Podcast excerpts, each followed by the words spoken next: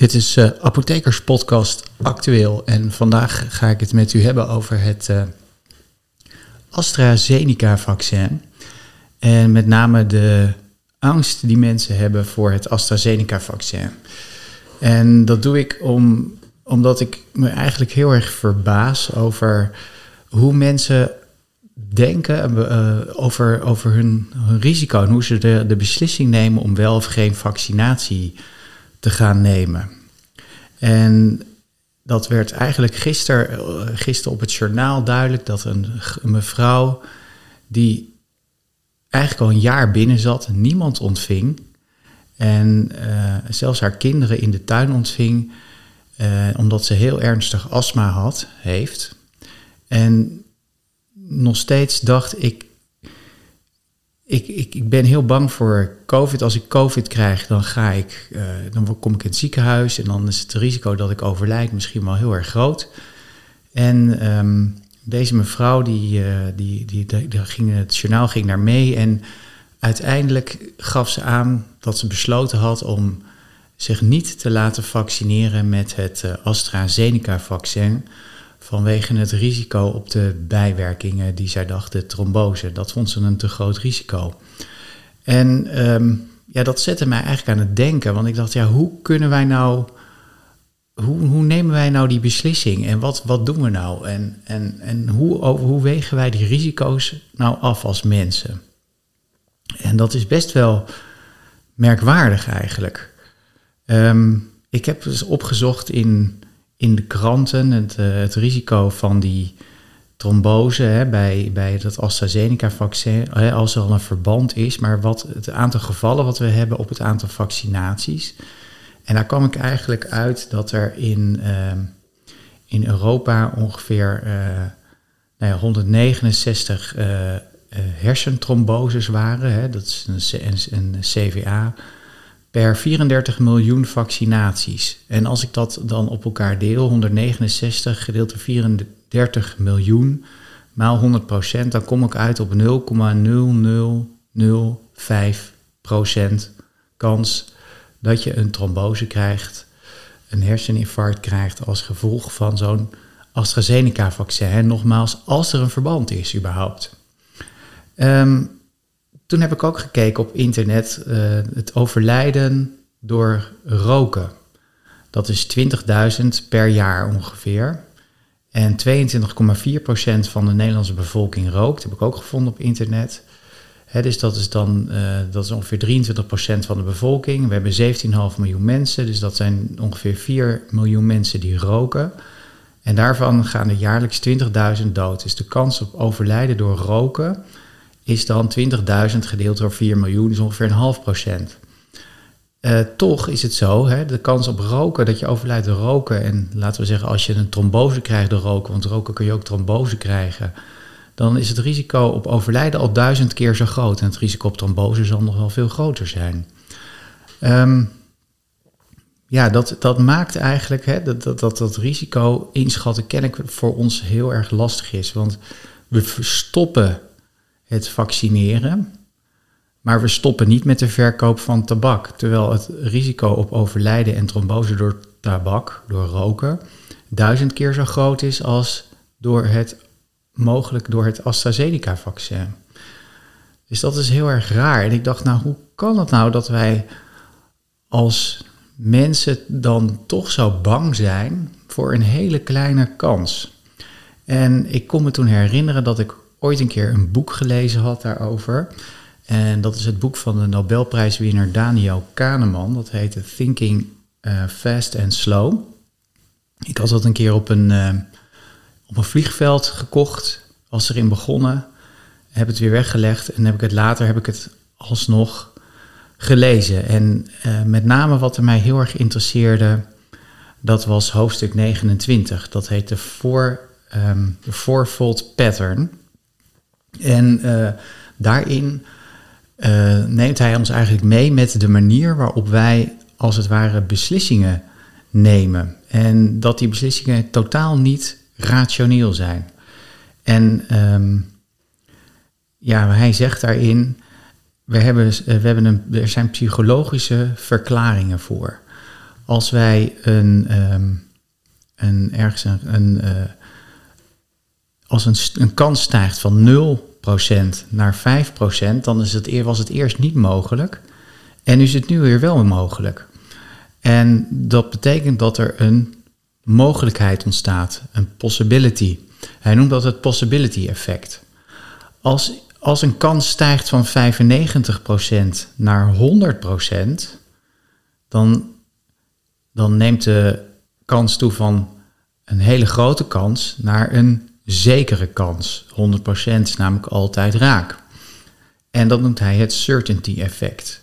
Dus je hebt het possibility effect en het certainty effect. En dat is belangrijk om even te onthouden, want dat possibility effect en dat certainty effect spelen een hele belangrijke rol in, uh, in, onze, um, in, in, onze perceptie van, van risico's en hoe wij beslissingen nemen.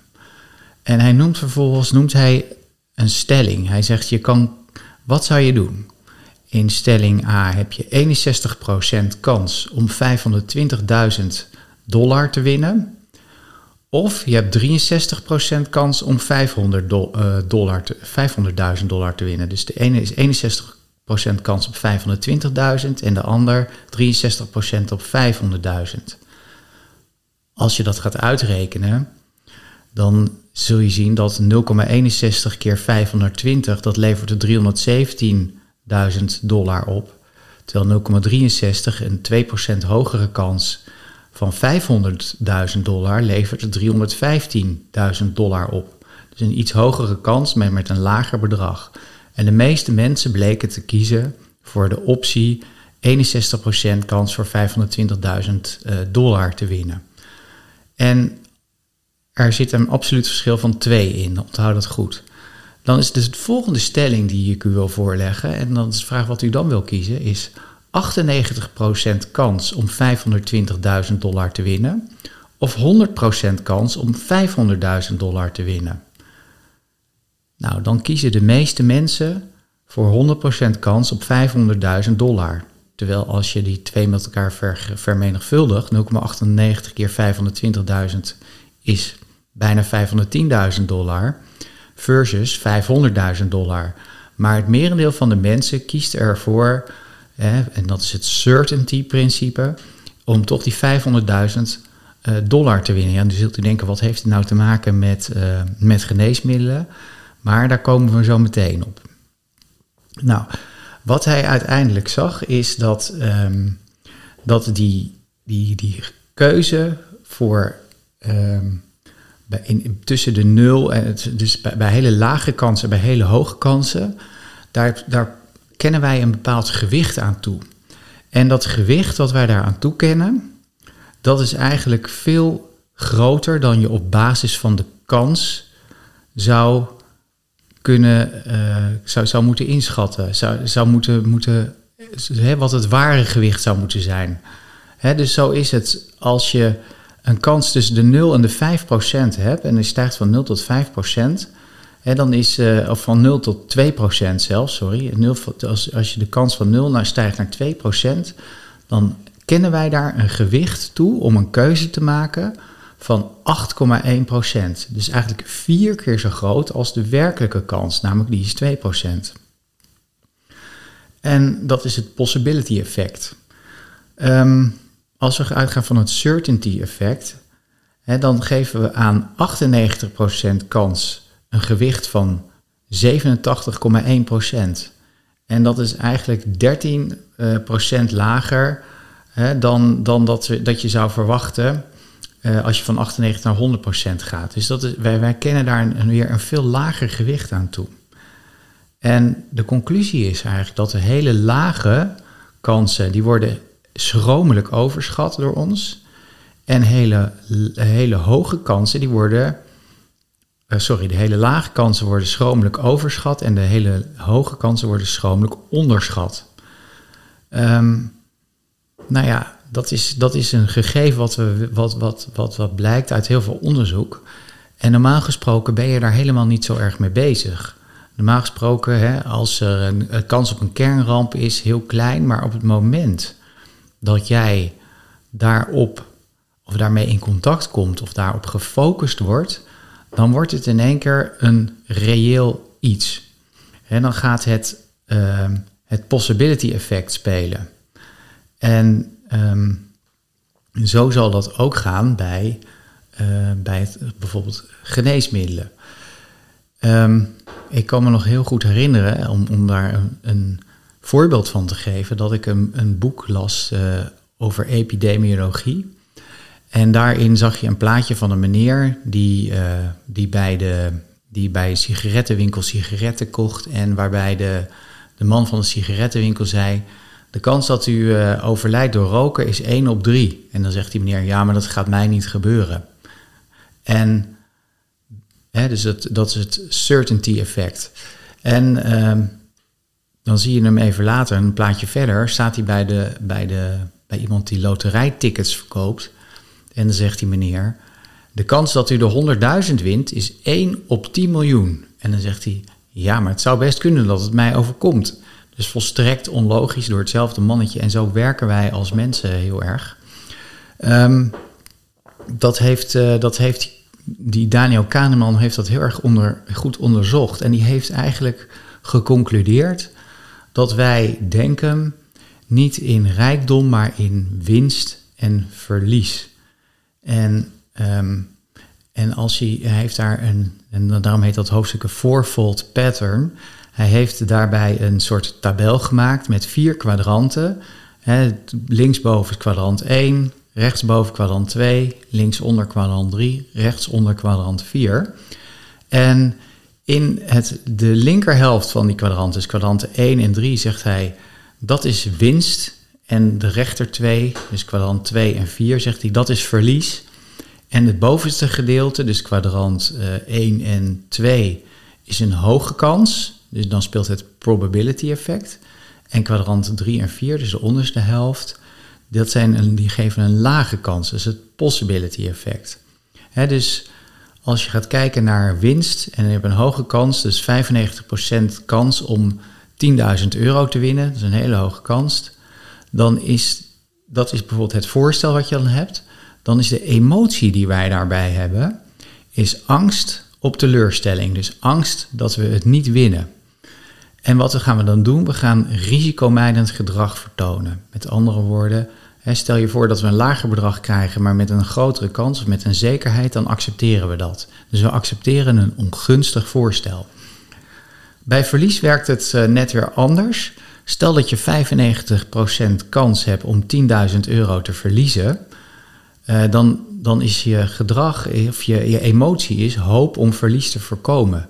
En je gedrag is een risicozoekend gedrag. Dus je denkt, nou ja, ik neem die gok maar en dan eh, verlies ik misschien net iets meer, maar dan heb ik in ieder geval die gok genomen. Dus dan verwerp je eigenlijk een gunstig voorstel. Nou, bij lage kans uh, voorstellen, bijvoorbeeld 5% kans op 10.000 euro winst, dan heb je hoop op een hoge winst en dan doe je risicozoekend gedrag. En je verwerpt het voorstel, ik geef jou uh, nu 1000 euro met zekerheid. Dan zeg je nee, die 5% kans op 10.000 euro winst, die verkies ik dan boven de zekere, veel lagere uh, opbrengst. Dus je verwerpt een gunstig voorstel. En, die, en, en als het gaat om verlies, hè, dus als je een 5% kans hebt om 10.000 euro te verliezen, dan heb je enorm angst voor een groot verlies. En dan ga je risicomijdend gedrag vertonen. En ook dan accepteer je weer een gunstig voorstel. Nou, als we dit dan gaan bekijken in, um, in het, bij het AstraZeneca-vaccin en die voorstellen, hè, dan is het voorstel met een hoge opbrengst. Hè, het AstraZeneca-vaccin beschermt 100% tegen ziekenhuisopname door COVID-19. dan is dat een hoge kans op uh, winst. Maar onze emotie is dan angst voor teleurstelling. We gaan risicomijdend gedrag vertonen en we accepteren een ongunstig voorstel. Nou, als je dan, hè, dat, dat, dat, is misschien de reden dat mensen denken dat ze niet gevaccineerd hoeven te worden. Als je dan ook nog gaat denken in de termen van verlies. Hè, we hadden net uitgerekend dat je een 0,0005% kans op een ernstige trombose hebt met mogelijk dodelijke afloop. Dan, hè, dan is dat een dreiging bij jou. En dan ga je redeneren vanuit het possibility effect. En je emotie is dan angst op een heel groot verlies. En je gaat risicomijdend gedrag vertonen en je accepteert een ongunstig voorstel. Dus het gunstige voorstel is: uh, laat je vaccineren, maar dat accepteer je niet, want er is een risico dat je uh, een hele ernstige bijwerking krijgt. En uh, die, die mogelijkheid bestaat, en dus geldt het possibility effect. Hè, en um, nou ja, dat is eigenlijk heel irrationeel. En als we nou gaan kijken naar, uh, naar die, die, die vaccinatie die we nu uitstellen. Hè, stel dat we hebben voldoende AstraZeneca-vaccins om iedereen te, te vaccineren tegen, tegen COVID-19. En we hebben, uh, en stel dat we hebben 100.000 of, of een miljoen vaccins die geen trombose veroorzaken. En we hebben 2 miljoen mensen die zich moeten laten vaccineren met AstraZeneca. En daar hebben we er voldoende van. Stel je voor dat al die mensen van die 2 miljoen kiezen er 1 miljoen voor om zich te laten vaccineren door een ander vaccin. Maar dan houden we nog 1 miljoen mensen over die misschien geen AstraZeneca willen. En van die, van die uh, miljoen mensen krijgen er eigenlijk maar vijf mogelijk een trombose als er een risico is. Als die mensen uh, zich überhaupt niet laten vaccineren, dan zouden er, um, en ik heb even zitten kijken op de statistieken over COVID-19, COVID er zouden dan 22 mensen per 100.000 die zouden overlijden aan COVID. Dus dat betekent op een miljoen mensen zouden er 220 overlijden. Terwijl er maar vijf, vijf mensen een trombose krijgen en waarvan er misschien één overlijdt. en dat komt omdat wij niet goed in staat zijn als mens om risico in te schatten. We kopen loterijtickets terwijl we weten dat de kans dat we de loterij winnen nul is of heel klein is. En, ehm, en toch doen we het. Ehm, ja, wat moeten we hier nou mee? Hè? Dat is de vraag natuurlijk. Uh, ik denk dat het heel belangrijk is dat u bij uzelf kunt nagaan dat als u een beslissing neemt over wel of niet vaccineren, dat u dan moet rekenen dat als, als u de kans acht dat u een trombose krijgt, hè, dat, u, dat het possibility effect speelt en dat de uh, werkelijke kans, hè, u, u overschat de kans dat u een trombose krijgt enorm. En daar kunt u rekening mee houden. En u onderschat de positieve effecten van vaccinatie ook enorm. En daar kunt u rekening mee houden. En daarmee kunt u misschien zelf een wat betere keuze maken. Ik hoop dat u dat ook doet. Ik heb zelf nog even zitten rekenen. En als je, als je gaat, het andersom gaat vertellen, de kans op een trombose is heel erg klein. Maar de kans op geen trombose is eigenlijk 99,9995 procent. Dus die is eigenlijk bijna 100%. En de kans dat je, uh, dat je COVID krijgt als je je niet laat vaccineren, hè, want er zijn 553 mensen besmet per 100.000, dus dat is ongeveer 0,6%. Um, en de kans dat je geen COVID krijgt na vaccinatie, als je dat gaat berekenen, is 99,82% als het, vaccin 70% effectief is. Dus dat is gigantisch hoog, is bijna 100%. En de kans dat je opgenomen wordt in het ziekenhuis is bijna nul. Dus ja, daarmee krijg je de boel wat meer in balans. En ik vind het buitengewoon fascinerend dat, ehm, dat wij denken dat wij heel goed beslissingen kunnen nemen. Uh, en dat we dat op, uh, op basis van rationaliteit doen, maar dat is niet zo. Want er is altijd een possibility effect en er is ook een een, um, een certainty effect. En daar moeten wij rekening mee houden met ons risico. Ik raad u allemaal aan om het boek eh, Thinking Fast and Slow van Daniel Kahneman lezen, want daar is, wordt veel meer uit, uh, uitgelegd over hoe dit precies werkt. En ik hoop dat u een goede keuze kan maken voor u wel of niet vaccineren. En ik wens u daar heel veel wijsheid in toe. En dit was dan de Apothekerspodcast actueel over het COVID-19-vaccin van AstraZeneca. Overigens heb ik het zelf uh, wel gehad en, uh, en zal ik ook de tweede vaccin nemen. Maar dat is verder voor u misschien niet zo relevant. Maar de beslissing heb ik wel genomen op basis van de gegevens die, die ik heb, nu net heb bedacht. En dank voor het luisteren. En als u de podcast leuk vindt, geef het door aan familie en vrienden en kennissen. En dank u wel voor uw aandacht.